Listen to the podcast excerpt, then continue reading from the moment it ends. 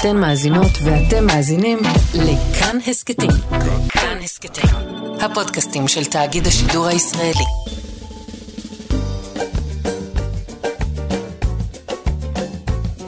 שישים החדש, עם איציק יושע. לחיות בגיל השלישי.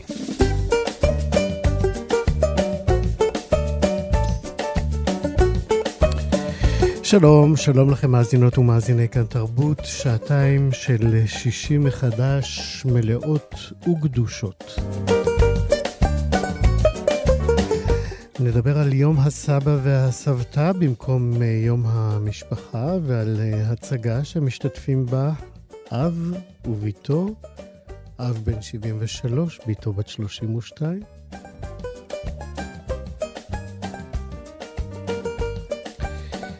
נדבר גם אה, בשבחי הפנסיה וההנאות הקטנות של הפרופסור שירה הנטמן.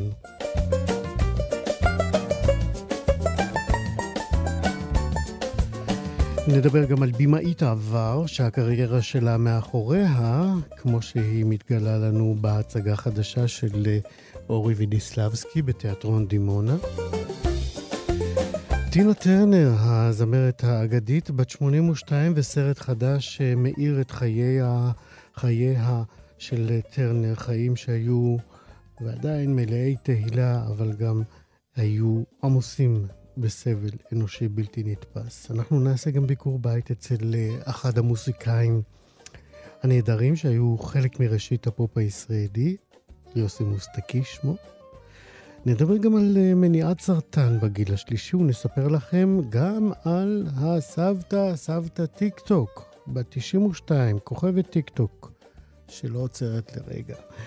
תהיה לנו גם אה, כמובן אה, מוסיקה, אנחנו נשמע משיריו של יוסף מוסטקי, גם משיריה של טינה טרנר, וגם של אורי ודיסלבסקי. ועוד ככל שנספיק, שירי כץ עורכת אה, משנה ומפיקת התוכנית הזאת, חן עוזי, טכנאית השידור. אני איציק יושע. שישים החדש. השבוע הרשתות והעולם ככה צהלו לקראת אה, יום המשפחה. אנחנו זכינו לראות אה, משפחות מכל הסוגים. שמענו דברי קלס ופאר והלל לאותן משפחות, וטוב שכך, בעיקר בגלל שהן מגוונות. אה, מתברר אבל שדווקא ביום הזה בארצות הברית מציינים גם את יום הסבים והסבתות. אה, זה מין כזה, מין אה, דווקא חינני כזה. מאחורי היום החג האמריקני הזה עומדת אה, אחת, אה, מריאן לוסיל אה, מקווד, אה, שהייתה מטפלת, מתנדבת בזקנים בבתי עוון בווסט וירג'יניה, וירג'יניה המערבית, שם היא גרה. ב-1970 היא התחילה קמפיין שבו היא קראה לכל האמריקנים לבקר את סבא וסבתא שלהם דווקא ביום המשפחה, ומשם אפשר, כמו שאומרים, הכל היסטוריה. מי שמכירה את הנוהל הזה מקרוב היא הרבה מירה, מירה רגב מהתנועה ליהדות מתקדמת, הידועה יותר כתנועה הרפורמית, שמנסה להנחיל אותה גם אצלנו כאן בישראל. שלום לרבה מירה רגב. שלום איציק. מה שלומך? מצוין, מצוין. אני באמת אה, מתרגשת שאנחנו מציינים ככה את מריאן לוסיל מקווייט, שהביאה את היום הזה. היא התחילה כמטפלת, היא ראתה כמה הקשישים לבד וכמה הם בודדים, ובארצות הברית אה, בכלל, אה, לפעמים משפחות מפורקות, והן לא מפורקות, אבל מפורדות בכל ארצות הברית, והרבה הרבה מבוגרים לבד. והאמת היא, אתמול הלכתי והבאתי להורים שלי זר פרחים. אה, מותר כן, כן, יום המשפחה, ומותר רק לבן אדם אחד בדיור מוגן להיכנס, וחשבתי כמה בתקופת הקורונה, כמה צורך יש שנחזור ונחדש uh, את יום המשפחה גם אצלנו לחדש בארצות הברית, אבל להביא לכאן את יום המשפחה כיום הסבא והסבתא, כי לצערנו uh, חלק מההורים שלנו, שהם בדור שלי, ההורים והסבים והסבתות, ממש לא יכולים להיפגש עם הנכדים. אז התרגשתי שבחרתם את האייטם הזה, כי אולי יהיו פה כמה נכד, נכדים והורים שירוצו ויביאו פרחים לסבים והסבתות. אה, א', אנחנו מצטרפים באמת למשאלה הזאת, שיבואו יותר אה, נכדים אה, לסבים ולסבתות ונכדות. ספרי לי קצת כמה באמת זה תפס באמריקה מאז שהיא התחילה את הקמפיין שלה, מריאן מקווייד. אז קודם כל, כאילו, היא התחילה את זה ב-1970, והיא עשתה את זה כקמפיין ציבורי, והיא פנתה לקונגרס, והיא הפכה אותו לחג לאומי. והיום זה חלק מ-1978, זה הפך להיות חג לאומי בארצות הברית, וכמו שאתם יודעים, בחג, אם זה חג לאומי בארצות הברית, אז מציינים את זה בתוכניות החינוך, זה נכנס לקוריקולום.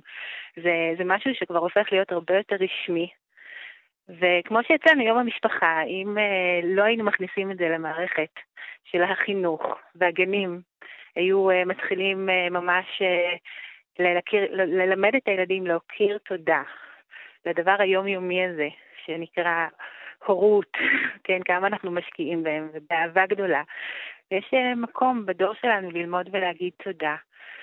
ולפעמים זה נשאר ככה בגן, ואבא ואימא, מזל שזה לא רק יום האל, זה הפך להיות יום המשפחה, כי באמת יש משפחות מגוונות, כמו שציינת. אבל, מה, אבל מה עם הסבים והסבתות? לפעמים הם בריאים והם יומיומיים ואפשר ממש לבקר, אבל לפעמים לא, ולפעמים הם בדיור מוגן, ולפעמים קשה להיכנס אליהם, ובתקופה שבה אנחנו מדברים בכלל נוצר פער ומרחק שהקשישים הכי הרבה סובלים. אז באמת יש מקום לבוא ולהגיד, רגע, לא רק אבא ואימא, יש אה, גם סבא וסבתא, וזה בכלל אה, גם נוגע בסוגיה של אה, איך אנחנו מתייחסים לאלדרים שלנו, לקשישים, בתרבות המערבית. זו סוגיה כואבת, אנחנו מקדשים נעורים. כן, שזה מה שאנחנו עוסקים כאן בתוכנית, לא מעט.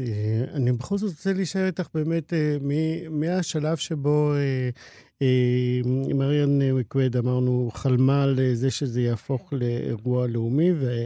ואז זה הפך. תנסי לשרטט לנו, לתאר לנו איך, איך נראה יום כזה בארצות הברית, איזה פעילויות יש שם, לאיזה מקומות במערכות החינוך, במערכות התרבות, בתקשורת זה, זה, זה תופס.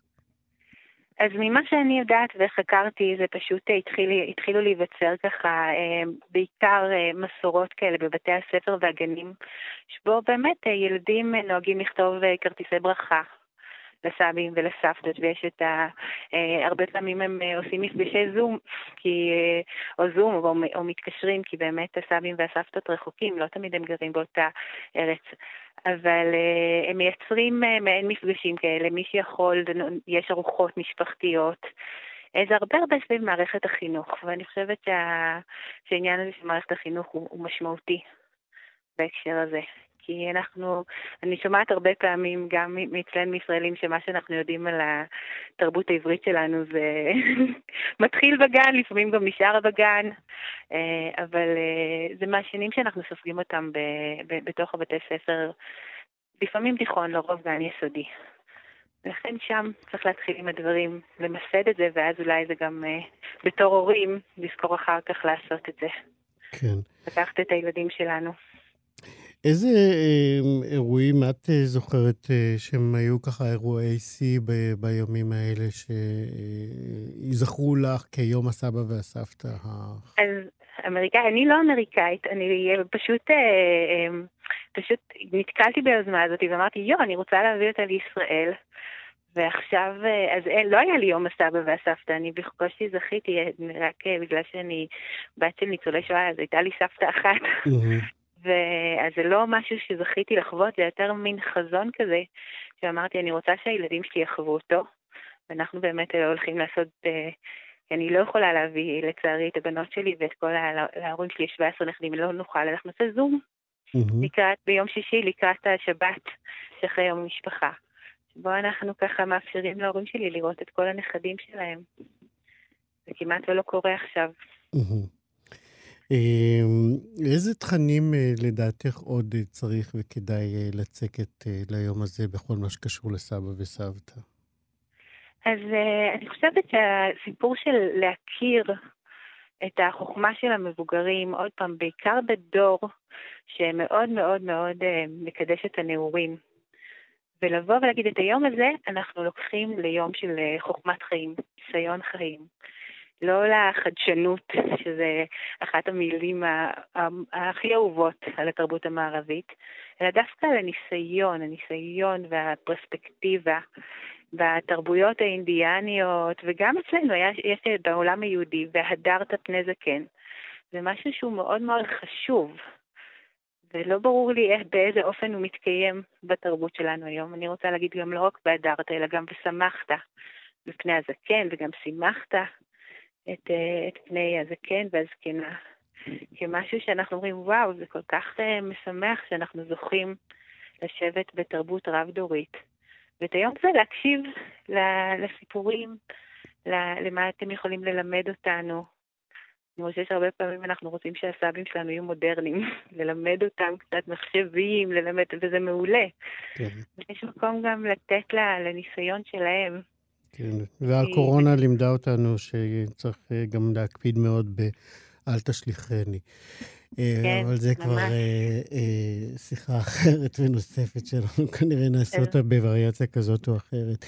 בכל מקרה, יום כן. המשפחה, סבא וסבתא אה, בארצות הברית, אה, ובקרוב אני מקווה גם אצלנו באופן רשמי.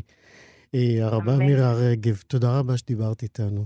תודה לכם, יום טוב. להתראות. 60 החדש.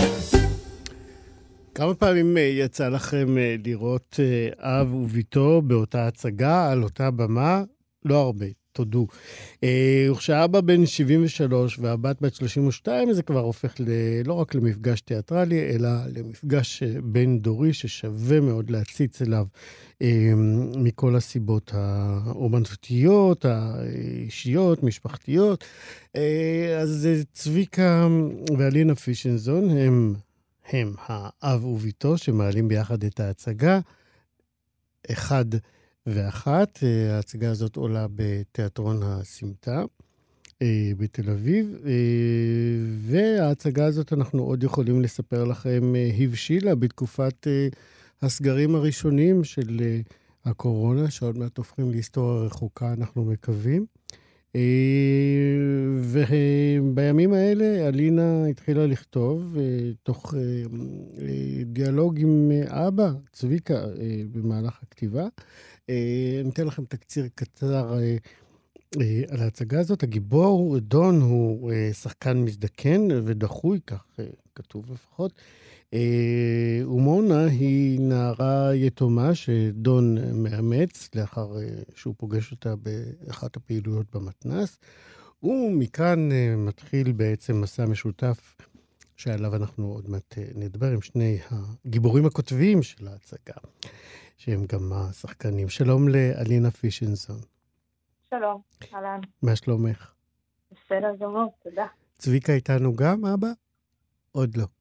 מנסים להשיג את אבא. לאן הוא הלך, את יודעת? אני יכולה לבדוק. כבר שנתיים אני בודקת. טוב, עד שנמצא את אבא, אז uh, תספרי לנו את uh, ככה קצת, uh, קודם כל, על השמות ככה קפצתי, למה דון ומונה, למה הם לא מפה? חיים ומיריam? אנחנו בעצם לקחנו אה, השראה מהסיפור של אה, דון קישוט. אוקיי. אה, בעצם בגלל שהדמות דון היא דמות מאוד פנטזיונרית, הוא שואף לאיזה גדולה.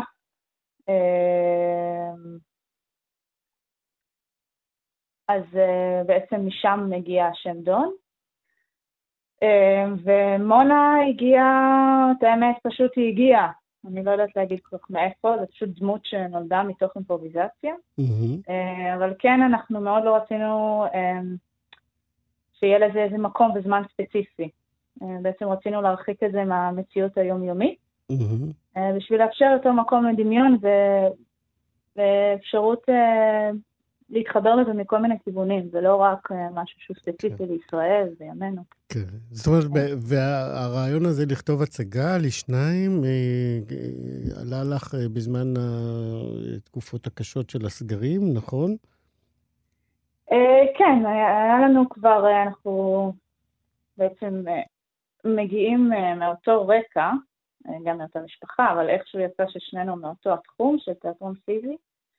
אני גרתי בחו"ל תקופה, וזה ככה התבשל שאנחנו רוצים לשתף פעולה, וברגע שחזרתי לארץ, לקח זמן עד שזה קרה. אני, ובאמת התקופה, איכשהו זה יצא בתקופה של הקורונה, אני חושבת שזה השפיע בכל מיני אופנים. אז הנה, מצאנו את אבא, הוא חזר. שלום צביקה פישנזון. מזל. צביקה, שלום. שלום, שלום. מה שלומך? בסדר גמור. יפה מאוד. מתי אלינה בעצם משתפת אותך בזה שהיא רוצה לכתוב הצגה שבעצם בסוף אתה גם אמור לשחק בה? אנחנו דיברנו על זה הרבה פעמים שהיינו רוצים לשתף פעולה ביחד. ופתאום זה קרה, כמו שאלינה עכשיו אמרה, הנסיבות הובילו את זה לשם. שהיינו יותר קרובים, בתקופת הקורונה, שהיינו קצת פחות עסוקים, כל אחד בעניינים שלו, וזהו. אז בוא נדבר קצת על הדמויות. דון, הוא, כבר שאלתי את אלינה בזמן שלא מצאנו אותך, על השם דון, אבל מעבר לזה שזה השראה מדון קישוט, הוא, הוא גם שחקן מזדקן ודחוי. כמה זה באמת משהו שאתה יכולת להזדהות איתו? מבחינת הגיל, כן.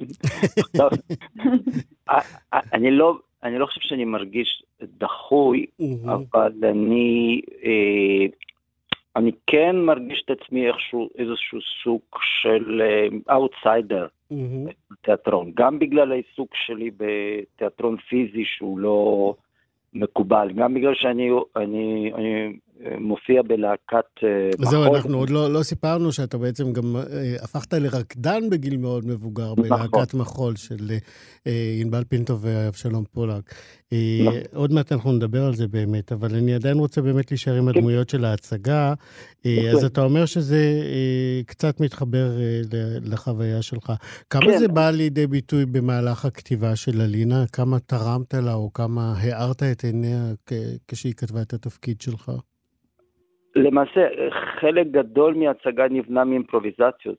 הצורה שעבדנו זה שהיינו מתחילים, לוקחים איזה נושא, רעיון, מתחילים לאלתר, מתוך הדמויות לאלתר, ואז אלינה הייתה, בבית הייתה כותבת את, ה, את הטקסטים, ככה שזה מאוד נוצר גם, גם ממני. כל היצירה הזאת נוצרה ממני גם. זאת אומרת שזה באמת שנינו. כן. אלינה, איך אה, אה, בית, אמרת מקודם באמת שבחרת את מונה ודונה, השמות האלה, כדי שזה יהיה לזה גם ניחוח אה, אוניברסלי יותר, שזה לא שייך רק אה, לכאן. ספרי לנו קצת על מונה. אה, מונה היא, היא גם, אה, היא אאוטסיידרית. אה, היא בעצם מין דמות כזאת שהיא לא... לא קשורה לשום, אה, איך נגיד, קבוצה, היא תלושה לגמרי. אה, גם במיוחד, אנחנו לא כל כך יודעים עליה יותר מדי. היא מדברת על אימא באיזשהו שלב, אבל זה משהו מאוד מעומעם, היא מדברת על איזה אהוב, שגם אותו אנחנו לא רואים. אה, ויש בה משהו מאוד נאיבי, ומאוד פיוטי, מאוד קשורה לעולם של הטבע ולעולם של הדמיון. היא כאילו זאת שבכלל יוצרת את התיאטרון או את המציאות, ודון הוא זה שטיפה גונב לה את הדברים, את הרעיונות. כן. היא קצת כמו הסופרת צללים שלו, היא כאילו רואה איזה תמונה, והוא אומר, אה, אני אקח את זה, ואני אופיע עם זה, ואז יאהבו אותי. לא ממש ערובה ליחסים טובים בין אה, אבא לבת. זה לא אה, לגמרי היחסים שלה. לא, לא, לא אמרתי על שלכם, דיברתי על מונה ודון, חס וחלילה.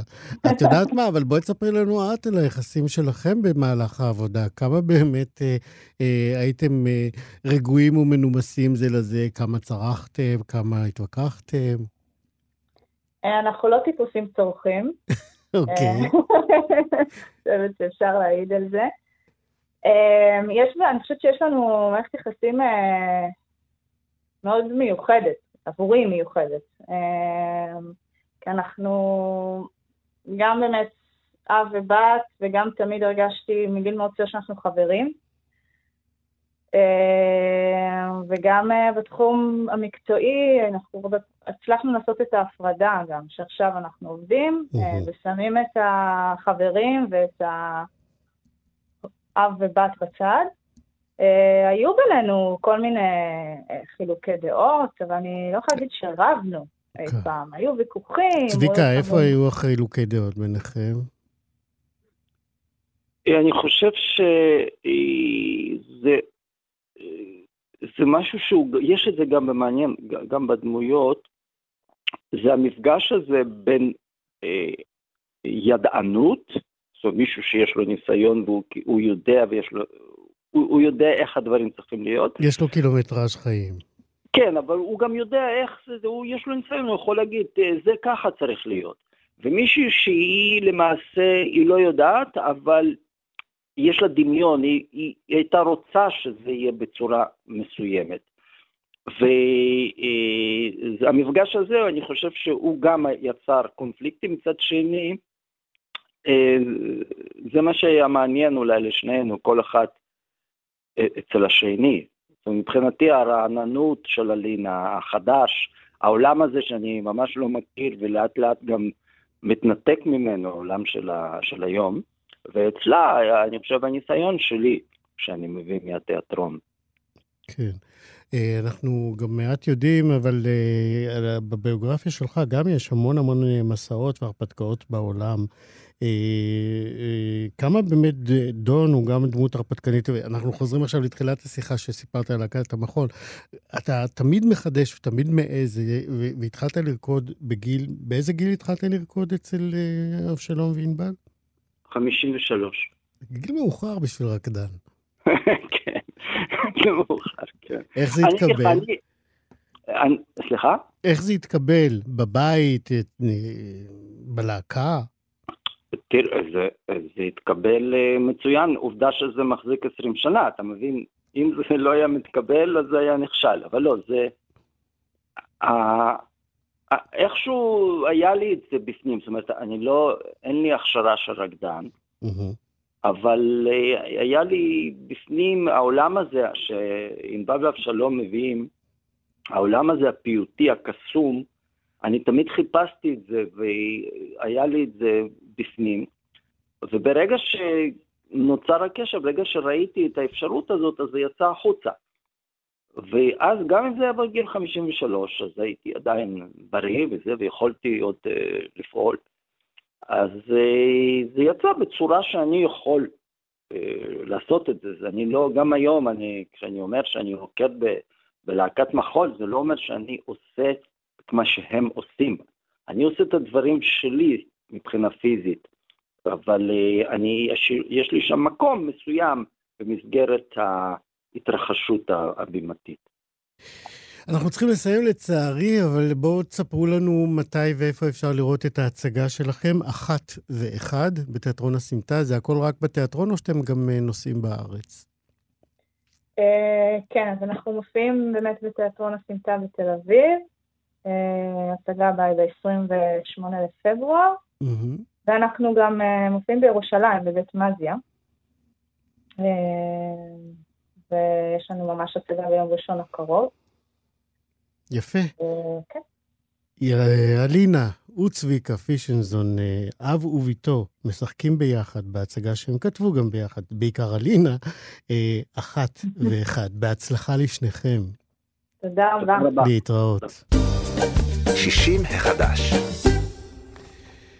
השיר הזה, ילדי חורף 73, אה, הוא בעיניי ללא ספק אחד אה, מעשרת השירים היותר בולטים פסקול של המוסיקה הישראלית מראשית ימי המדינה הזאת. שמוליק אספרי כתב את המילים, אורי וידיסלבסקי הלחין, הבטחתם יונה.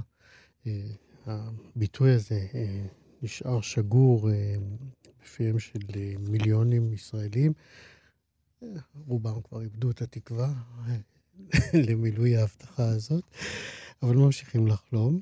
אה, אורי וידיסלבסקי, נגיד אה, לכם, עוד כתב מאז אה, למעלה מ-200 לחנים לסרטי קולנוע, להצגות ולמופעי מחול. היום הוא מנהל אומנותי של תיאטרון דימונה, הוא גם כתב עכשיו הצגה חדשה, הבשורה, שעולה התיאטרון הזה, תיאטרון דימונה. אמ, הצגה שהיא אולי אה, סוג של אה, אפוקליפסה תרבותית, עוד מעט אה, נשמע מה הוא חושב על זה.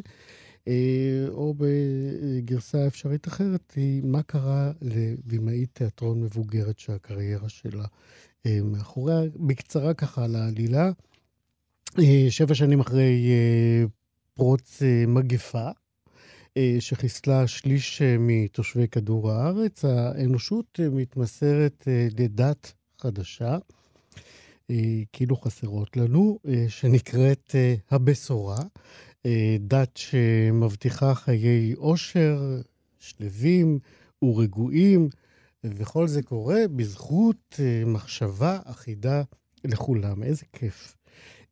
תחת שלטונה של ה... הדת הזאת, אמ, כל הטכנולוגיות אה, נשלטות על ידי השלטון המרכזי, אם אני מבין נכון. האינפורמציה שאנחנו מקבלים אה, ומגיעה אלינו היא מאוד מנוטרת, והתרבות, אה, מי ידע.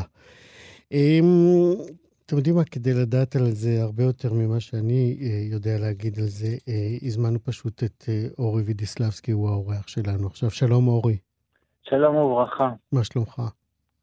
אה, בסדר גמור, ממש בסדר. תגיד, לפני שנדבר על הבשורה, כשאתה אה, שומע את ילדי חורף 73, היום ככה במרחק, כמה? 50 שנה? לא. כמה לא. שנים עברו? אה, זה נכתב בשנות ה-90, זה כי הם כן. היו צריכים להיות בני 18, הילדים של חורף. נכון. ולהם כתבנו. זה נכתב בשנות ה-90. שזה 30 ומשהו שנה. 30 ומשהו שנים. כשאתה שומע את זה היום, מה, איזה צביטה עוברת אה, לך סביב ההבטחה? תמימות, תמימות, אתה יודע.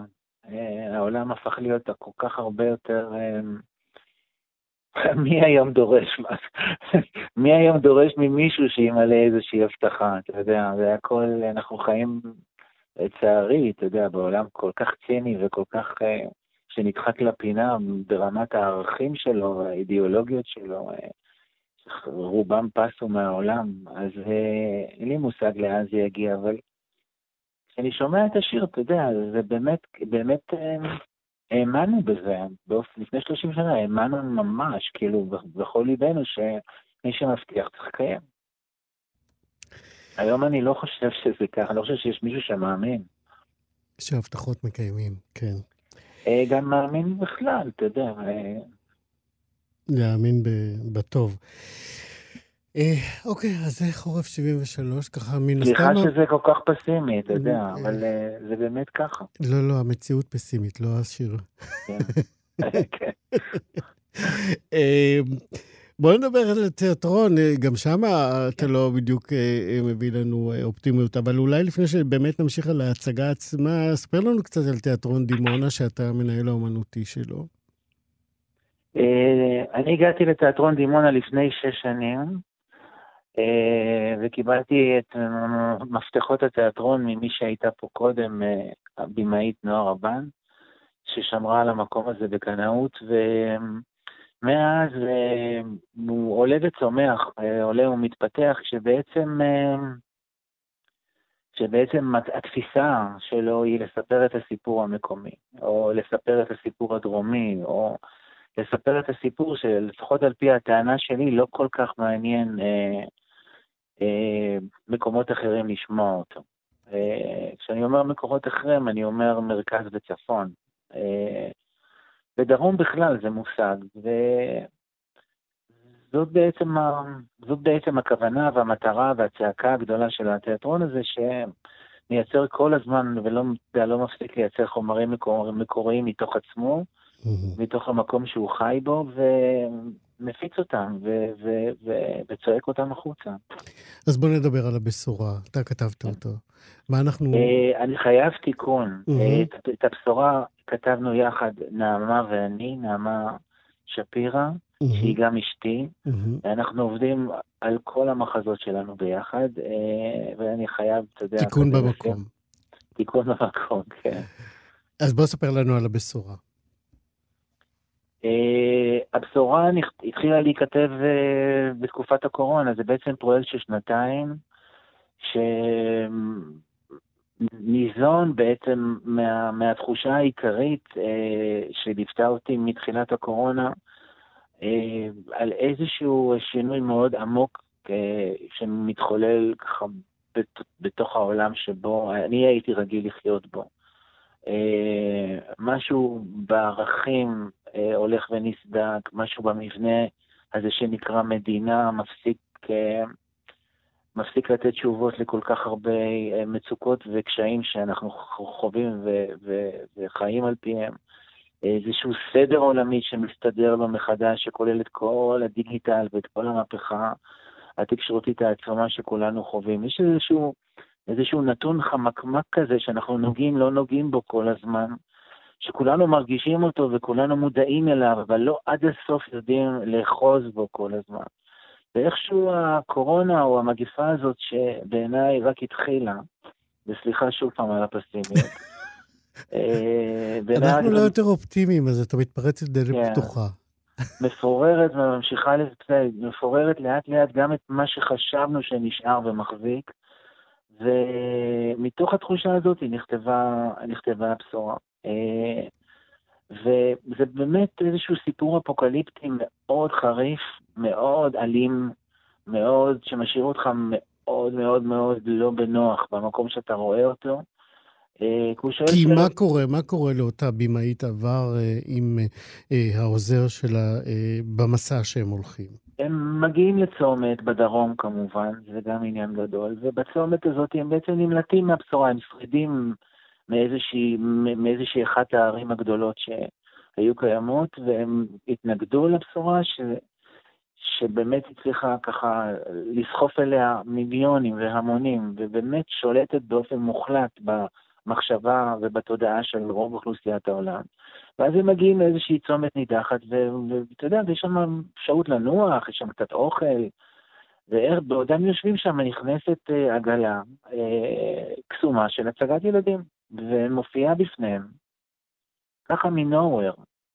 Uh, הצגת ממש פשוטה ויפה ונוגעת ללב על, על האמת והשקר. ואז בסוף ההצגה uh, השחקנים אומרים להם, אתם צריכים לבחור, וכשהם לא מבינים במה מדובר, הם מצביעים להם על ידית שנמצאת ליד. ואז הם מבינים שהם צריכים לבחור או ימינה או שמאלה. והם אומרים, סבבה, אתה יודע, קמים, משתעשעים ביניהם ובוחרים שמאלה. ובעודם בוחרים שמאלה, הם מבינים שהעגלה, נשמע רעש מאוד גדול, והם מבינים שהעגלה אה, נפלה לתהום. יש שם בהמשך, אנחנו יודעים את זה מקודם, איזושהי צומת ש... שולחת או שמאלה או ימינה. שמאלה זה לתהום וימינה זה לעיר הקרובה. ואז הם מבינים שיש להם תפקיד במקום שהם נמצאים, וזה לבחור. ובעודם מבינים את זה, ומתווכחים כמובן, כשהבמאית קופצת על ההזדמנות בשתי ידיים, והצעיר אה, אה, ממש לא מוכן לקבל את זה, הם מקבלים טלפון, יש מין מכשיר קשר כזה שמזמזם, והם מקבלים, מקבלים את המינוי בעודם... אה, כן. בעודם מתווכחים. אורי, אנחנו צריכים לסיים, אז נשאיר את המאזינים במתח אה, ונזמין אותם אה, להצגה. מתי אפשר אה, לראות אותה? אנחנו כרגע מופיעים בדימונה החודש הזה ב-13 וב-14 וב-16 וב-17, ואני ממליץ, ממליץ, ממליץ לכל אחד שבא לו להיכנס לאוטו ולעשות שעה ומשהו נסיעה, שהוא באמת יחווה חוויה גדולה. היא חוויה דרומית, אני חייב לומר, וככה ולהתעקש על זה.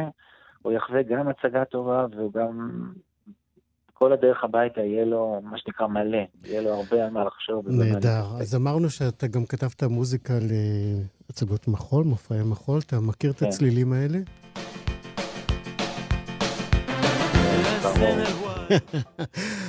מתוך אה, חמורים שלך. נכון. מזמן לא שמעת את זה ברדיו, נכון? נכון, נכון. אז הנה, עם זה אנחנו נסיים. אורי ודיסלבסקי, הבשורה, תודה רבה שדיברת איתנו. תודה רבה. 60 החדש. ביום שלישי האחרון אה, שידרו בהוט, אה, בכבלים, את אה, הסרט טינה, כמעט שעתיים על חייה של אגדת הרוקנרול, אין הגדרה טובה יותר, טינה טרנר. אה, הזמרת האגדית הזאת, צריך לומר, היום היא בת 82, והסרט שיצא לאחרונה ככה מנסה לעשות איזשהו סדר, ואולי גם צדק עם הדמות של טינה טרנר. כאישה, כזמרת, כאימא, אה, מיד נרחיב על זה. אה, אנחנו שומעים כמובן את אה, מה לזה ולאהבה, What's Love Got to Do with It, אחד הלהיטים הבאמת הענקיים שלה, כמו שכולנו יודעים. אה, בעיניי אולי הוא יכול אפילו להיות השם השני של הסרט הזה, כי אה, בלא מעט רגעים בסרט היא חוזרת על זה בכנות מאוד נוגעת ללב. אה, כמה היא... רוב חייה, אה, אם בכלל, לא הרגישה אה, נאהבת, טינה טרנר. אה, כשרואים את הסרט, וגם אם ככה מעמיקים בתוך הביוגרפיה שלה, של טינה טרנר, קשה נורא שלא להתמלא מצד אחד חמלה עמוקה כלפי האישה, שכמעט כל סבל אנושי ככה רדף אותה במשך השנים, מילדות ועד... אה, בגרות מאוחרת. אה, זמרת אה, שעלתה לגבהים אינסופיים, הושלכה וחזרה שוב בענק, וכך באמת בגיל 82 טינה טרנר היא אגדה, אגדה חיה. גילי איזיקוביץ' היא עיתונאית בעיתון הארץ ומגישת הפודקאסט תרבות יום א', וגם היא, כמוני, צפתה בסרט איתה ואיתה. אנחנו נדבר עכשיו על הזמרת הזאת שהקדישה, זה עוד קטע, את הסרט הזה לבנה קרייג, שהתאבד לפני שנים אחדות. גם זאת ככה עוד לבנה בחומת האיסורים של טינה טרנר, שלא מופיעה בסרט. שלום גילי איזיקוביץ'. אהלן, איציק יושע. תשמעי, מה שהדהים אותי בסרט זה הטון שבו טינה טרנר מדברת. מצד אחד התוכן, היא מדברת על הקורבנות שלה, על התלאות שלה, אבל היא לא נשמעת כמו קורבן. לא. יש איזה מין ניתוק מהפנט כזה, משום שיש בה משהו מאוד חי, מאוד חיוני, מאוד נוגע ללב, וממש, לי לפחות ככה, זה היה ממש רצון לחבק אותה. יש בה איזה שילוב של קשיחות ופגיעות, נכון? כן. זה, וגם מין תחושה של הכרת הטוב, שהיא בכל זאת הצליחה לחיות כמה סוגים וכמה גלגולים אה, של חיים, וזה משהו שממש מעורר השתאות לראות על המסך את האישה הזו שבעצם די לשמוע אותה אומרת את המילים שאנזליזה בשביל להבין שהיא לא נכון. בגדולות מילדות. ושכל מה שקרה לה הוא כמעט בגדר נס, ממש מתחילתו ועד סופו. מבאמת הילדות האיומה שהייתה לה ועד האפיזודות, ה... לא יודעת איך נקרא לזה, זה סיוטי, זה כאילו בגרות סיוטית. ובאמת בכל, בכל שדה של חייה כמעט, והיא פשוט הצליחה להתרומם מעל זה כל פעם, פעם אחר פעם, מין לנחות על הרגליים כמו חתולה, אבל לעשות את זה כל כך יפה, זה פשוט סרט נפלא, והיא אישה מעוררת הערצה ממש. כן. בואי בוא ננסה ככה ללכת, אה, לא ממש כרונולוגית, אבל לפחות לתחנות המרכזיות אה, אה, של הביוגרפיה שלה. קודם כל, היא נולדה בעיירת אה, אה, פועלים אה, שחורים, אה, שדות כותנה ממש, כמו שאנחנו מכירים, אה, בארצות הברית, בטנסי, נכון? כן, כן. שרה בכנסייה וננטשה על ידי אה, הוריה, כי הייתה ילדה צעירה ביחד עם האחים שלה. אז זהו, פה אה, בעצם, ככה, אם אנחנו משרטטים את הציר הפסיכולוגי, אם אנחנו רוצים, של, של עלילת חייה, זה בעצם מתחיל שם, באלימות שהייתה בתוך הבית. בין, כן. בין אביה לאימא, אלימות שהביאה, כמו שאת אומרת, לנטישה. כן, ממש נטישה כפולה. ובגיל מאוד מאוד צעיר היא אה, פוגשת בעצם את אייק, וממש מכריחה אותו לשמוע אותה שרה. הייתה נערה צעירה, לא כל כך נכנסים לזה בסרט, ש... ככה... אבל לפני זה, גילי, נגיד, לפני שהיא פוגשת את אייק, זאת אומרת, כשאימא שלה עוזבת את הבית, היא משאירה אה, את הילדים אחריה, אה, בעצם מפקירה אותם אה, לזרועות האב, שמן הסתם לא יכול לטפל בהם, ואז היא עוברת עם האחים שלה לגור אצל דודה, שמשם בעצם היא ממשיכה את חייה. כן, נכון. מה שמעניין בסרט הזה מופיע שם ומופיע בעוד כל מיני חלקים, למשל לידת הבן הבכור שלה, שהוא לא בנו של אייק בכלל. יש שם כל מיני דילוגים על אה, רגעים בחיים שלה, שאולי אפילו בשבילה הם אה, עדיין סימני שאלה, או איזשהם אה, קוביות ריקות כאלה, שאתה לא לגמרי מקבל עליהן תשובה. זהו, למשל, הבן הזה, שהוא לא הבן של, של אייק, אבל הוא גידל אותו יחד איתה. זאת אומרת, כן. הוא גדל, וכמו שהיא גידלה את בניו של אייק. כן. כן. אמ, אנחנו מדברים על קרייג שלא כן. מוקדש הסרט בסוף, נכון? כן. אמ, בכל מקרה, היא באמת אה, גדלה בתוך אה, שירת אה, גוספל, וממש אילצה את אייק טרנר, שאז היה מוזיקאי צעיר ומבטיח. יש מי שטוענים שהוא ממש המציא את אלבום הרוקנרול הראשון. Mm-hmm. אילצה אותו להקשיב לשרה, והוא אומר שם, הוא מספר שם איזשהו רעיון שהתקיים בעבר, שהוא לא האמין מהגוף הכל כך קטן הזה יוצא קול כל כך גדול. אה, ובעצם מאותו הרגע הם נהיים הרכב מוזיקלי, היא מופיעה עם אה, זמרות הליווי שלה.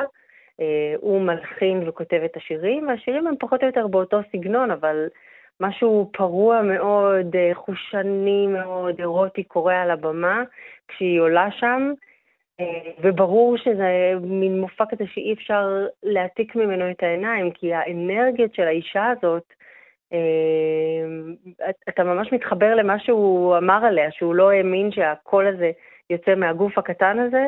זה ממש אה, נכון, כל קטעי הארכיון שמופיעים שם בסרט הם פליאה אחת ענקית ומדהימה לנוכח מה שקורה במה, על הבמה הזו. אז uh, בדרך להגשים את החלום שלה להיות זמרת, היא נופלת בעצם קורבן לסדיסט, uh, פסיכופת, uh, אה, איך נראים החיים שלה מחוץ לבמה, כמו שמתוארים בסרט? איך נראים החיים שלה? עם אה, ניסיון להלך על אה, קליפות ביתים כדי שלא לעורר את הזעם שהיא מעוררת. ובכל פעם שיש איזשהו ניסיון לראות אותה כאומנית אה, בנפרד ממנו, יש אה, ממש מערכה אה, חלילה שהיא לא תפעל בלעדיו, שלא שההערכה העצמית שלה לא תורכב מדברים נוסף על השיתוף פעולה איתו, והרבה מאוד אלימות כמעט לא מוסברת, או בכלל לא מוסברת. בעצם מתי כן אפשר להסביר אלימות בתוך בית? מכות חוזרות, והיא שמורידה את הראש, ואיזשהו תסריט שמשלב אלימות ומין בתוך הקשר הזה, וככה זה פועל במשך 16 שנות נישואים. ואז היא פשוט, אה, כבר יש ארבעה ילדים אה, שם בסביבה, אחד שלה, אה, שניים שלו ועוד אחד של שניהם, נכון? כן. ואז היא פשוט עושה את מעשה אימא שלה. הם נוסעים להופעה בלאס וגאס, נדמה לי, והיא בינה לבין עצמה אומרת, עד כאן, אני לא מוכנה יותר לחיות את החיים האלה. עוזבת את בית המלון, חוצה את הכביש כמעט נדרסת, אה, ובורחת חזרה. כן, זו סיטואציה שממש אה, מסופרת שם, אה, אתה מרגיש כאילו אתה קצת בסרט מתח, כי ממש דקה אחרי דקה mm-hmm. של מה שקרה באותה סיטואציה, שהם יושבים שניהם ברכב הגדול שמסיע אותם אה, משדה התעופה. ובאין סיבה ממש הוא, הוא מכה אותה. וזו הפעם הראשונה שמשהו מתקומם בתוכה והיא פשוט מחזירה. והיא מתארת שם איך הם, עד שהם כבר הגיעו לבית המלון, היא חבולה ושותתת דם, הפנים שלה מדממות לחלוטין. היא עולה איתו לחדר אה, המלון, היא מחכה שהוא יירדם, ואז היא לוקחת את עצמה ובריצה חוצה כביש מהיר אה, ברגל. זה ו... גם כן, התיאור של הסצנה היא, היא מטורפת. היא, היא, אחרי שהוא היכה אותה, היא מתארת איך היא הרדימה אותו בעצם. היא עשתה לו מסאז' כדי שהוא ירדם, ורק אחרי שהיא וידאה, כאילו היא פינקה אותו, הוא נרדם, ואז היא ברחה. כן. אה, היא בורחת בעצם ואין עליה שום דבר, אין עליה כסף, אין תעודות, אין אה, אה, בגדים. היא מגיעה למלון, היא אומרת לפקיד, מצליחה איכשהו לשכנע אותה, לשכן אותה בחדר, ומשם בעזרת חברים היא נמלטת ונעלמת לתקופה. ורק אחר כך יש גם איזושהי חרושת שמועות שהיא נדרשת לי ומתעלמת ממנה, מנסה ככה לא לענות לגמרי על כל השאלות, ובסופו של דבר, בתחילת שנות ה-80, היא באמת הופכת להיות החלוצה, האישה הראשונה בקליבר שלה, שמדברת בצורה גלויה לחלוטין אה, וכנה לחלוטין על אלימות ועל מה שהיה מנת חלקה במגזין מאוד מאוד גדול, ברולינג סטון. כן, קיבלה שער, כן. אה, והיא מדברת שם על, על מה שהיה. זו הייתה כתבה שהכתה גלים, גם כי אז לא דיברו אה, או דיברו הרבה פחות על אלימות במשפחה, וגם מתוך העמדה המאוד לא מתנצלת שלה. כן. אמ, עכשיו, היה ברכה וקללה ביציאה הזאת שלה מהארון ובסיפור אחד, מפני שכל הקריירה שלה, פחות או יותר מאז, נצבעה בטבעי האלימות, ומצד שני גם יש איזו תחושה של אה, עוצמה מאוד מאוד גדולה, ובעצם כשהיא מספרת על מה, במה היה כרוך אה, להיפרד ממנו, אה, ועם מה היא יצאה מהניסויים האלה שהיא הכניסה להם הרבה מאוד, אה, במובן הכלכלי לפחות, אה, היא יצאה משם רק עם השם שלה. כן, שזה היה במסגרת המאבק, של... כן, כן, במאבק על ה... בגירושים מאי, כי הדבר היחיד שהיא ביקשה מהשופט זה את הזכות על השם שלה, טינה, שהרי היא הייתה אה, בשם אחר.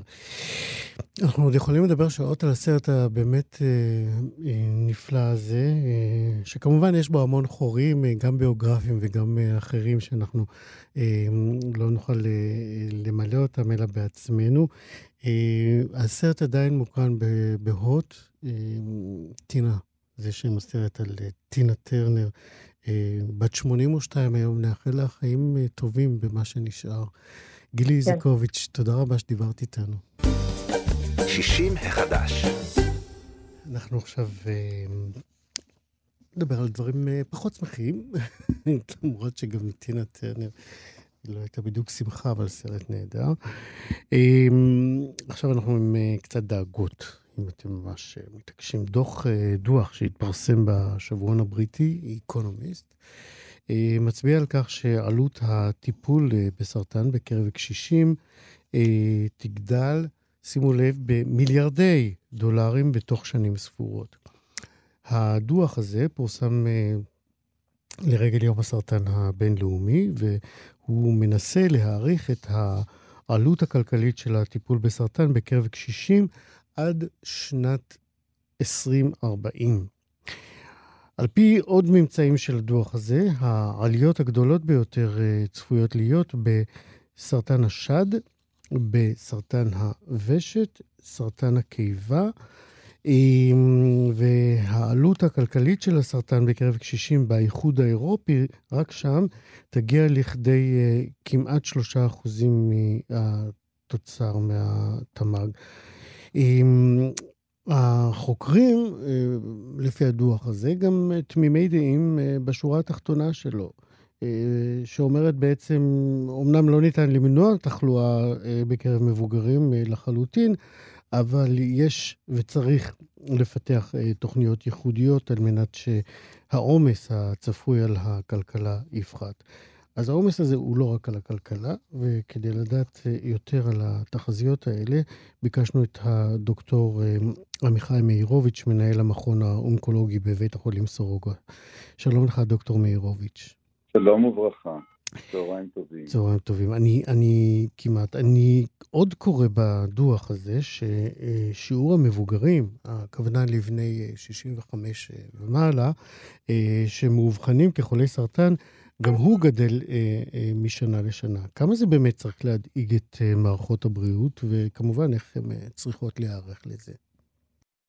האוכלוסייה המבוגרת היא אוכלוסייה אתגרית לטיפול, לא רק באונקולוגיה, אלא בכל דבר ועניין. אמ, מכיוון שהתוחלת חיים הצפויה ואפילו הנוכחית היא גבוהה, וסרטן הוא מחלה שמתפתחת עם הגיל, אנחנו רואים עלייה תלולה בהתפתחות הסרטנים, ויש סרטנים אופייניים גם לאזורנו וגם לגיל. אמ, כדוגמת סרטני העור, שבארץ שטופת שמש כמו שלנו, אמ, הם אנדמיים ובעצם פוגעים במרבית האוכלוסייה. האוכלוסייה המבוגרת היא אתגרית לא רק בהיבט של יותר סרטנים, אלא גם בהיבט של caregivers, של מי מטפל בהם. באוכלוסייה מבוגרת קשה לנו מאוד לנייד אותם אל בתי החולים, בין אם הם נמצאים בבתי אבות ושם שיתוף הפעולה לא תמיד אופטימלי, או בין אם הם לבד בבית, או תלויים באנשים אחרים, בני משפחה לפעמים, שלא תמיד זמינים. אה, אורח חיים המודרני גורם לאנשים הקשישים להיות בודדים יותר מהרגיל ויותר ממה שהיה אה, בתקופות שונות, אפילו תקופות שאנחנו מכירים אה, במהלך חיינו. זאת אומרת, הבדידות בגיל המבוגר הולכת ונעשית עמוקה יותר וגדולה יותר. אה, וזה הופך את כל הטיפול בהם לאתגרי הרבה יותר, כי כאן אתה לא רק צריך לנייד את החולה לרופא להבחנה ראשונית, ואז הם תמיד מאובחנים, או כמעט תמיד מאובחנים בשלבים מאוחרים יחסית, אה, אלא גם לזמן את המטופל לטיפולים, שלא תמיד הם טיפולים אה, אה, בתדירות נמוכה, אלא לפעמים התדירות היא קצת יותר גבוהה, ואז הם יותר תלויים באחרים, יותר תלויים במסביב שלהם, שלא תמיד נגיש, ואז ההיענות לטיפול יורדת. אז יש הרבה אתגרים שמלווים את הגיל המבוגר, אה, החל באבחון מספיק מוקדם אה, וכלה ברצף טיפולי טוב וסביבה תומכת במהלך הטיפולים.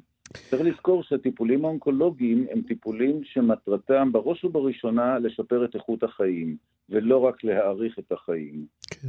ואנחנו יכולים לעשות את זה גם במבוגרים. כן, סליחה, כן. אני, לא, אני פשוט רוצה לשאול, אה, אה, יש, אמרת, סרטנים שהם אה, מאופייני גיל יותר? זאת אומרת שהם יותר שכיחים אצל אוכלוסייה מבוגרת?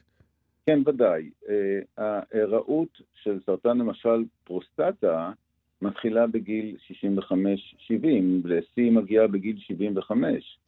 היראות של סרטני עור, אה, גם היא אה, קורית בגילאים המבוגרים, זה, זה מחלות של גילאי ה-70-80 ולא של אנשים צעירים, אתה צריך מספיק נזקי שמש כן. כדי לקבל אותם. והצפי אה, לפי אותם. הדוח הזה הוא שגם המחלות האלה יעלו בשיעורים גבוהים בעשור, העשורים הקרובים? להערכתי כן. אתה יודע, בנושא סרטן, הנטייה לספור את הסרטנים היותר, אה, סליחה, פחות נפיצי, הנפוצים. הסרטנים המאוד נפוצים, סרטני העור לא נספרים בכלל, הם לא נכנסים לסטטיסטיקות. למה אתה, בעצם? כי הם מאוד נפוצים. אתה תראה אותם, השכיחות שלהם עולה עם הגיל, אבל מה שנקרא non-melanoma skin cancers, שזה ה-BCC וה-SCC, ה-squamous cell carcinoma וה-basal cell carcinoma של העור, הן כל כך נפוצות, שהן מכות כל, הן בהיראות שלהן כל כך גבוהה, שהן מעבר לכל הסטטיסטיקות של הסרטנים הרגילים, נקרא לזה, כמו סרטן שד, או סרטן פרוסטטה, או סרטן ריאה, ואז אתה לא סופר אותם בסטטיסטיקות הרגילות, הם לא נכנסים לסטטיסטיקות הרגילות של סרטן, וכל הסטטיסטיקות שמתפרסמות, מתפרסמות בגרפים שהם עושים exclusion לסרטנים הספציפיים האלה. כן. אחד הנתונים בדוח, אה, מדבר, אה, הזכרתי את זה בפתיחת אה, דבריי, אחד הנתונים שם מדבר על עלייה צפויה בסרטן השד, 107 אחוזים בערך. ולעיניי ההדיוטות, ככה הרמתי גבה, כי שוב, אה, כמאזין, כצופה, כצורך תקשורת, סרטן השד הוא נראה כמו סרטן שיש לו הכי הרבה יחסי ציבור, והכי מטופל והכי אה, יודעים למגר אותו. זה לא כך? אכן, אכן זה כך. הלובי של סרטן... אז למה בכל זאת צפויה עלייה? עלייה לא קשורה ללובינג שיש לסרטן, ואפילו לא קשורה לגילוי המוקדם, שגם הוא יכול לגלות סרטנים שלא תמיד יש להם משמעות קלינית, ואז הוא מגלה אותם קצת יותר, וזה אני חושב שקורה גם היום. העלייה הצפויה בסרטן השד, אני מניח, על פי הדוח, היא בגלל הירידה בילודה. אירופה כולה סובלת מירידה משמעותית בילודה, ויש קשר הפוך בין רמת הילודה להיראות סרטן השד. זאת אומרת, הריונות מרובים אה, אה, מגינים בפני סרטן השד, לפחות באופן יחסי, לעומת נשים שממעטות להיכנס להיריון והילודה היא יותר אה, קטנה. אז, אז יש ירידה משמעותית באירופה בילודה, כמו שידוע, אוכלוסיית אירופה מתכווצת ולא גדלה, ואנחנו נראה כתוצאה מכך גם עלייה בסרטן השד, חוץ מהעלייה בגיל. שוב, סרטן השד שהוא הורמונלי, היראותו אה, עולה ככל שהגיל עולה וככל שהאוכלוסייה מתבגרת, אנחנו נקבל יותר סרטן שד. אז אלה שתי סיבות עיקריות כנראה לסרטן השד, עלייה בסרטן השד. כן. אה, יש עוד סרטנים שאנחנו צריכים לדעת עליהם יותר ממה שאנחנו יודעים כצרכנים פשוטים של תקשורת רפואית? אני חושב צריכה להיות לכל האוכלוסייה איזושהי מודעות מינימלית אה, לסרטנים, יכולה להיות ברמה של הבדיקה אפילו העצמית, זאת אומרת, אישה שמרגישה גוש בשד, אה, ממששת משהו, כשהיא מסתבנת, כשהיא במקלחת, אה, והיא מרגישה משהו חשוד, זה אה, לא לחשוב שזה שום דבר וזה יעבור, אלא ללכת להיבדק, כי זה חשוד כסרטן until prove otherwise. גם גבר שמתחיל להתקשות בהטלת השתן ומרגיש סימפטומים של הטלת שתן, גם הוא צריך להיבדק כי אנחנו מצפים לעלייה גם בסרטן ההרמונית עם השנים, וגם הוא סרטן שאם מגלים אותו בזמן אה, ומטפלים בו נכון, אפשר למנוע את ההתפשטות שלו ואת הצרות שלו. בוא באמת נדבר רגע על סרטן ההרמונית, אה, ששוב, אה, מנקודת מבטי המאוד לא מקצועית, יש משהו קצת חמקמק בזיהוי שלו. לא כל הבדיקות הן באמת בדיקות שיכולות לאבחן את זה או לעשות בדיקה שתהיה מניעתית. זה נכון? זה נכון מאוד. סרטן ההרמונית הוא סרטן בעייתי כי אנחנו הרופאים אשמים ביחסי ציבור הרעים שעשינו לעצמנו, ולמה אני מתכוון? סרטן הרמונית בדרגה נמוכה הוא סרטן שבדרך כלל חסר משמעות קלינית ולא צריך שום טיפול. אתה לא צריך לטפל בו. ורופאים... אבל מה קורה כשאתה לא יודע על קיומו בכלל? בדיוק, בדיוק. אז אני, זה קרה כאן תהליך משונה. אה, מכיוון שהיה over treatment בסרטן הערמונית, טיפלו בסרטנים שלא היה צריך לטפל בהם, מה שגרם לעלייה משמעותית בהוצאות הרפואה סביב סרטן הערמונית ובתחלואה הנגרמת סביב הטיפולים והתופעות לוואי שלהם, באו האפידמיולוגים, רופאי בריאות הציבור, ואמרו בואו לא נבדוק בכלל את סרטן ההרמונית. ורופאי המשפחה למדו שלא צריך לבדוק רגע, רגע, מה, מה, מה הרציונל שמאחורי זה? הרציונל הוא שהעלות של טיפול בסרטן ההומונית, כשאתה מטפל בכולם, גם באלה שאתה לא צריך, היא כל כך גבוהה על מערכות הבריאות, והסרטן הזה כל כך נפוץ, שעדיף לטפל רק באלה שבאמת, וזה די נכון, אם אתה מטפל בכולם, אז כבר עדיף לטפל רק באלה שמופיעים כבר עם גרורות, ולא נבדוק, אלא רק כשיש סימפטומים. אה, אז זה סוג של מלכוד. מצד אחד אתה אומר, אנחנו לא נעשה בדיקות uh, לזיהוי נכון. מוקדם, מצד שני, מגיעים אלינו החולים במצב כבר עם גרורות מפושטות, וסכנה לחייהם uh, גבוהה פי כמה. איך מיישבים. את המלכוד הזה? גם לטעמי כאונקולוג זאת אמירה סטליניסטית, משהו בסגנון שחוטבים עצים עפים שבבים, או משהו בסגנון. זה לא אמירה נכונה. לא צריך לעשות את זה. צריך לבדוק, אבל לדעת במי לא לטפל. וכאן צריך לחנך לא את החולים כמו את הרופאים להתאפק, ולא לטפל בחולים שבאמת לא צריכים טיפול. זאת אומרת, כי... אני, בשביל המאזינים שלנו שהם בני 65 ויותר, וההרמונית שלהם אה, כנראה אה, תדבר איתם באיזשהו אופן בקרוב, אה, אתה כן ממליץ לעשות בדיקות? אני מאוד ממליץ לעשות בדיקות, אבל אני ממליץ לא, לא לרוץ ולהתנפל על טיפול, במיוחד אם יש להם גליסון סקור נמוך, גליסון סקור זה המדד של הגידול, אם הוא, אם הוא לא עובר את 6, אם הוא עד 6, אני ממליץ לא לרוץ ולטפל, אלה חולים שבדרך כלל לא חייבים שום טיפול, אפשר לעקוב אחריהם בלבד. אבל אתה אומר, דוקטור מאירוביץ', כן ללכת לעשות זיהוי מוקדם. אני חושב שכן. אני חושב ש... אני לא חושב שכן, אני בטוח שכן. Mm-hmm. הבעיה היא, הבעיה היא בהחלטות, ברופאים ובהחלטות שמובילות לטיפולים בחולים שלא צריכים טיפול. Okay. ויש, ויש כאלה שמקבלים טיפול, והטיפול משאיר אחריו, אין טיפול שאין איתו תופעות לוואי, והתופעות לוואי לפעמים יכולות להיות מתסכלות למדי, ואני חושב שצריך אה, אה, אה, לנהוג באיפוק מצד הרופאים, ואולי באדיוקיישן של החולים להסביר להם שאם רופא רץ ואומר להם עכשיו עכשיו טיפול, אולי שווה לשמוע second opinion כדי לשמוע באמת אם באמת אכן צריך טיפול. זה נכון, זה מבלבל, אבל אם יש חלילה מחלה בסיכון גבוה, שם אם לא נטפל נאבד את החולה. החולה ימות ממחלתו, הוא ימות מהסרטן. כן. ואת זה אתה יכול למנוע אם אתה מגלה את זה מספיק מוקדם, ולכן אני כן בעד גילוי מוקדם.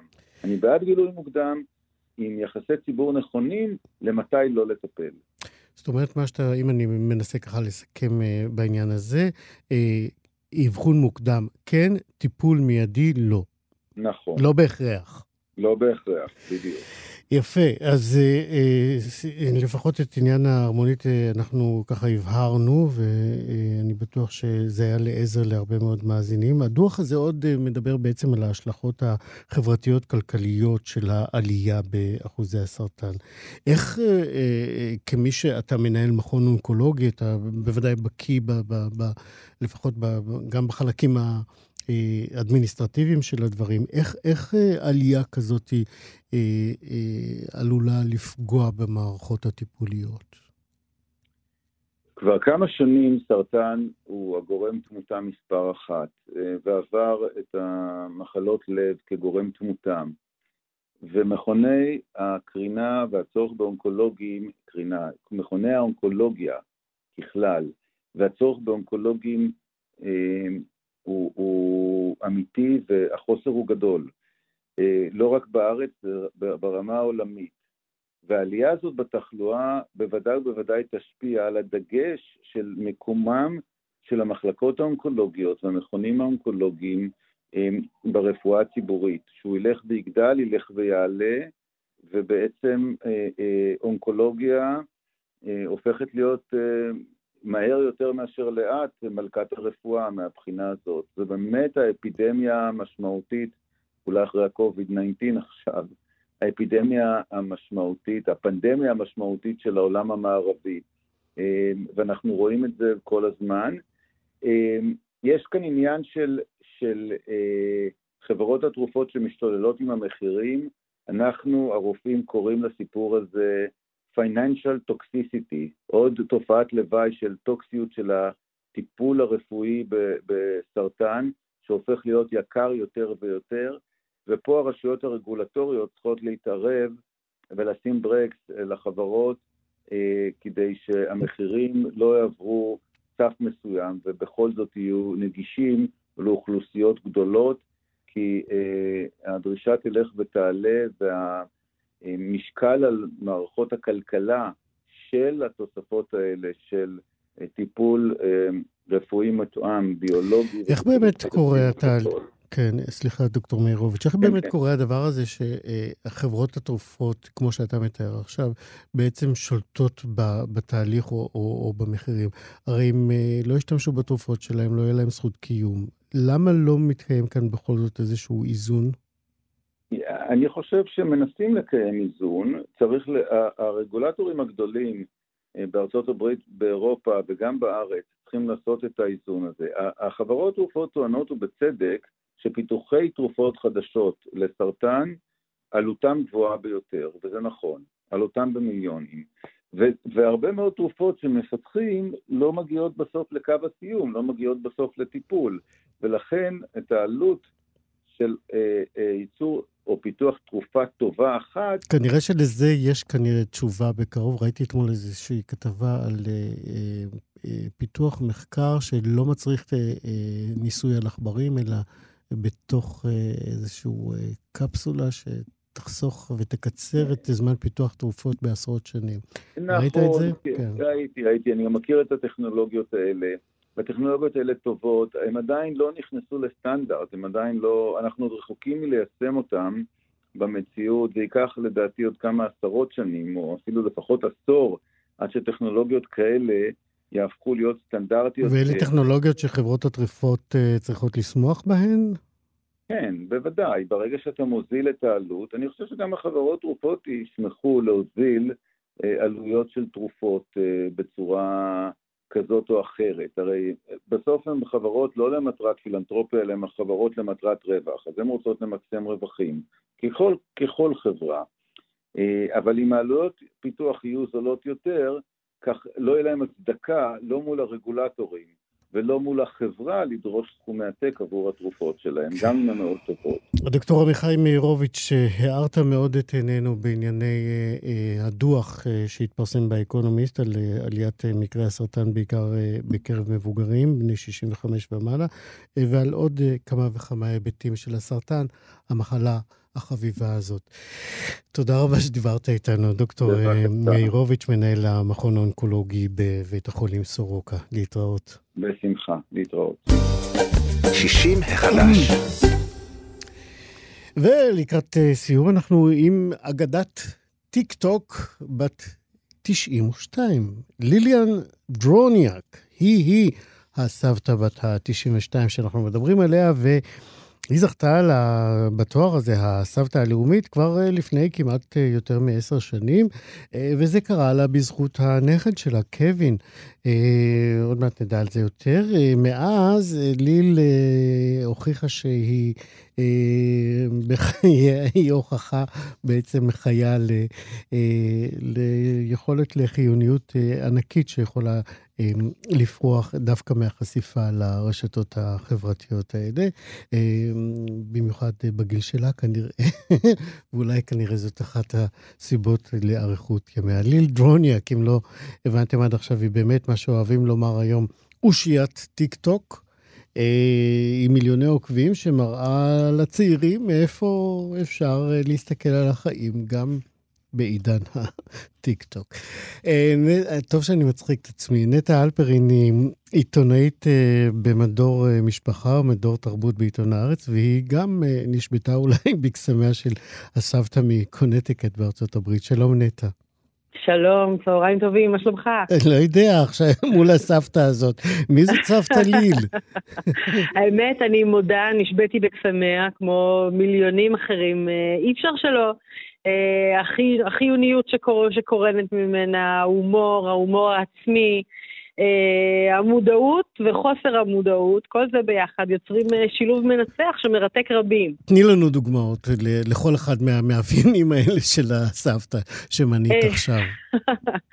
אמ, קודם כל, באמת אה, היא דמות שנועדה בעידן הריאליטי, בעידן שאנחנו מחפשים אה, כוכבים שבזכות האותנטיות שלהם ובזכות האנטי סטאר הזה, קואליטי, אה, זה שהיא לאו דווקא נראית כמו מודל יופי סטנדרטי, או, או שהיא לא, או שהיא, בגלל שהיא לבושה דווקא בבגדים מצחיקים ולפעמים מגוחכים, יש בזה משהו שהוא מאוד, מאוד מעורר אמפתיה. תספרי למאזינים שלנו שלא ראו, במה היא לבושה? מה עושה את המראה שלה קצת צבעוני מדי? היא מאוד אוהבת, את יודעת, היא מאוד, היא מאוד אוהבת לדגמן הרבה מסרטוני הטיקטוק שלה, כאלה שהיא מדגימה כל מיני סוודרים צבעוניים שהיא לובשת וכל מיני תיקים שבדרך כלל אין בהם שום ייחוד מעבר להתלהבות העצומה שלה מזה שהיא לובשת אותם.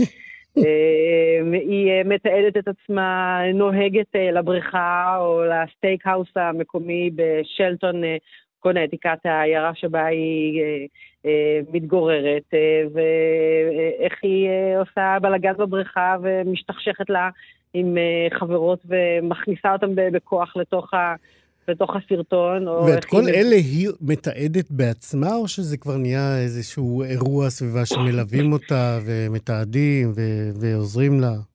תראה, קודם כל באמת יש כלל זהב, הרי אה, grandma ליל היא באמת אה, אה, דוגמה לכוכבת אה, טיק טוק אה, עכשווית, אבל יש עוד כוכבי טיק טוק אה, בגיל השלישי, ומה שמאפיין את כולם, שתמיד יש מאחוריהן נכד או נכדה, והנכד או הנכדה האלה שולטים ברזי הטכנולוגיה בכלל וברזי הטיק טוק בפרט, שזה בכל זאת אה, פלטפורמה שיש לה כללים, יש לה חוקים.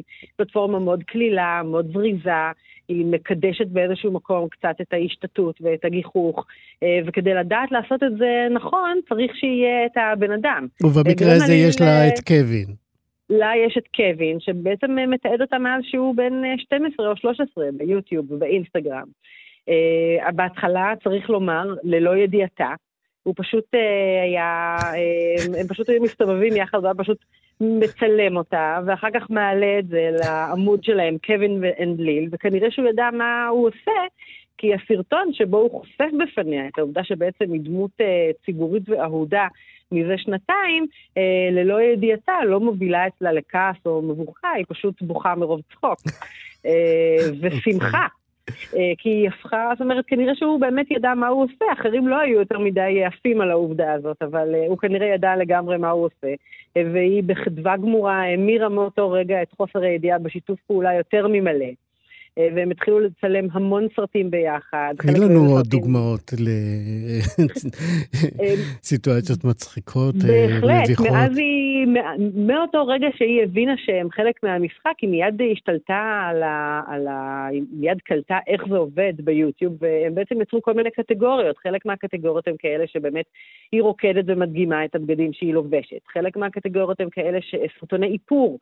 שבהם היא מלמדת את העוקבים או העקבות שלה להתאפר, האיפור צבעוני, כבד, לפעמים מאוד מאוד לא מתאים, מה שהופך את זה ליותר משעשע, אבל היא מרוצה מהתוצאה וקורנת מאושר. אה, חלק מהסרטונים הם כאלה שהיא מלמדת בישול, היא מכינה מתכונים סופר בסיסיים, כמו עוגה שמורכבת רק מביסקוויטים ושוקולד שנראה כמו שוקולד השחר, וכן הלאה וכן הלאה, ופשוט מין... למה להעליב את השחר? אחלה שוקולד. לגמרי, אחלה שוקולד, שוקולד עם כבוד. ועד עד, עד שלטון קונטיקט הוא מגיע. והיא פשוט התפרסה על כל קטגוריה אפשרית, או שהיא רוקדת, או שהיא שוחה, או שהיא פשוט מתעד מה היא עושה. אה, יום טיפוסי בחייה, יום שבו אתה רואה אותה מתעוררת, אה, איך היא שוטפת פנים, איך היא אוכלת דייסה, איך היא אה, אה, מביסה את עצמה בסוליטר. ולכל הדבר הזה יש מיליוני עוקבים. מיליוני עוקבים שמאוד מאוד מאוד אוהבים אותה, ששואבים ממנה נחמה. זאת אומרת, ה, ה, כמובן שיש גם עוקבים שצוחקים, או... לועגים. או כמובן שיש, כן, כמובן שגם, אנחנו נמצאים, ב, אנחנו עדיין בתקופה של, של אייג'יזם, של גילנות מאוד אה, מובהקת. של נבזות באופן כללי. נכון, נכון, כן. אבל זה גם באמת איזשהו מאפיין תרבותי שמלווה אותנו המון שנים. פשוט בעידן הרשתות הוא מאוד מודגש, מצד שני הוא גם יותר מדובר. כן. ו- כמה באמת יש תרגום אה, מסחרי, כספי, לפופולריות הזאת שלה? אני חושבת שהפופולריות שלה היא תרגמה כספית בצורה מאוד מכובדת, כי לא רק שיש לה מיליוני עוקבים בטיקטוק ובאינסטגרם, זה גם לגמרי הפך למיינסטרים, היא הוזמנה לכל מיני תוכניות אירוח, כמו אצל ג'ימי קימל או סטיב הרווי, זה, לגמרי עבר לפלטפורמה הארצית. וכרגע שיש לה את חשבון הטיקטוק, גם, זה מן הסתם בא לידי ביטוי גם ברווחים כספיים, זה ללא ספק מקור הכנסה. זאת אומרת, בעצם אה, סבתא ליל הייתה למפעל אה, של אה, הנכד שלה. אני, אני מאמינה שכן, אבל, בעיק, אבל בעיקר גם שלה. זאת אומרת, מבחינתה, הדבר החשוב הוא, כש- כשאתה רואה את הסרטונים, אתה לא רואה שהיא חיה באושר ואושר. היא בן אדם שחי חיים די צנועים של פנסיונרית ב, ב, באמריקה, באיזושהי עיירה כל אמריקאית. העניין שלה הוא באמת, ה, וזה באמת מה, עיקר העניין, מה שכל כך מעניין כאן, זה הרעיון שהשימוש ברשתות החברתיות בקרב אה, אנשים מהגיל השלישי, אנשים מבוגרים מאוד אפילו, כמובן היא כבר מגיל 80 נמצאת שם, mm-hmm. הוא החיות שהדבר הזה אה, מזריק לתוכה. הדיאלוג, התחושה שהיא לא אה, בודדה אף פעם, התגובות שברובן מאוד מחממות את הלב, ואנשים שרואים בה סבתא אלטרנטיבית, וזה כמובן גם מוביל אל הצופים, אה, שכותבים לה הרבה מאוד פעמים, אני עברתי על הרבה תגובות כדי לראות שהרבה פעמים הם נעזרים בה ברגעים של אה, עצבות, או שהם פשוט רוצים לצחוק, או שהם פשוט רוצים להרגיש שיש סבתא, או שיש איזושהי דמות של משפחה אלטרנטיבית בחייהם, כמובן בלי לקחת את זה לאיזשהו תחום אשלייתי, כי היא לא... אה, מנהלת דיאלוג אינטנסיבי שבו היא מדמה את עצמה לסבתא של מישהו, שזה ז'אנר שקיים בטיקטוק. אה, וזה, וזה כמובן אה, נושא אחר ומאוד מאוד מעניין. אבל העובדה שהיא דמות מצד אחד שנותנת הרבה מאוד גיל ו, ו, ו, וצחוק ונחמה לצופים שלה, ומצד שני נעזרת גם בהם לשמור על החיות שלה. ואם היא הגיעה לגיל 92, אין ספק שזה אחד הדברים שהשאירו אותה אה, חיונית ומאריכת ימים. אה, ללא ספק. בטוח שבאמת התכונה היומיומית הזאת אה, והצורך אה, להתחדש ולהמציא את עצמה מן הסתם אה, אה, כל יום מחדש אה, מספקת לה אה, עוד כוחות חיים. בוודאי, יכול... אבל, אבל כדאי להדגיש שגם הקשר עם הנכד, לא כן. לא פחות, זאת אומרת, הקשר ברשת הוא דבר אחד והוא נהדר, אבל הוא עדיין קשר וירטואלי. הקשר עם הנכד שלה עושה רושם, נותן, נותן אפילו עוד יותר. הקשר, הרעיון שיש סביבך קהילה תומכת בכל כן. מיני מעגלים בגיל השלישי, הוא הדבר. יפה. אז אה, גם כסף, גם אה, שיפור היחסים הבין-דוריים, אה, ושמחה למיליוני העוקבים ולכל המפרסמים. נאחל לכולנו. כן, הלוואי עלינו. נטע אלפרין, היה כיף לדבר איתך. תודה רבה. גם לי. תודה לך, להתראות.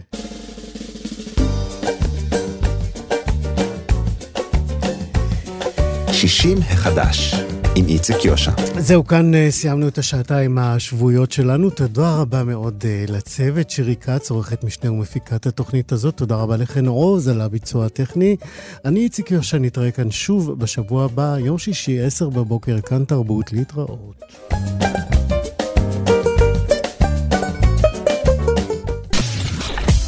אתן מאזינות ואתם מאזינים לכאן הסכתים. כאן הסכתים, הפודקאסטים של תאגיד השידור הישראלי.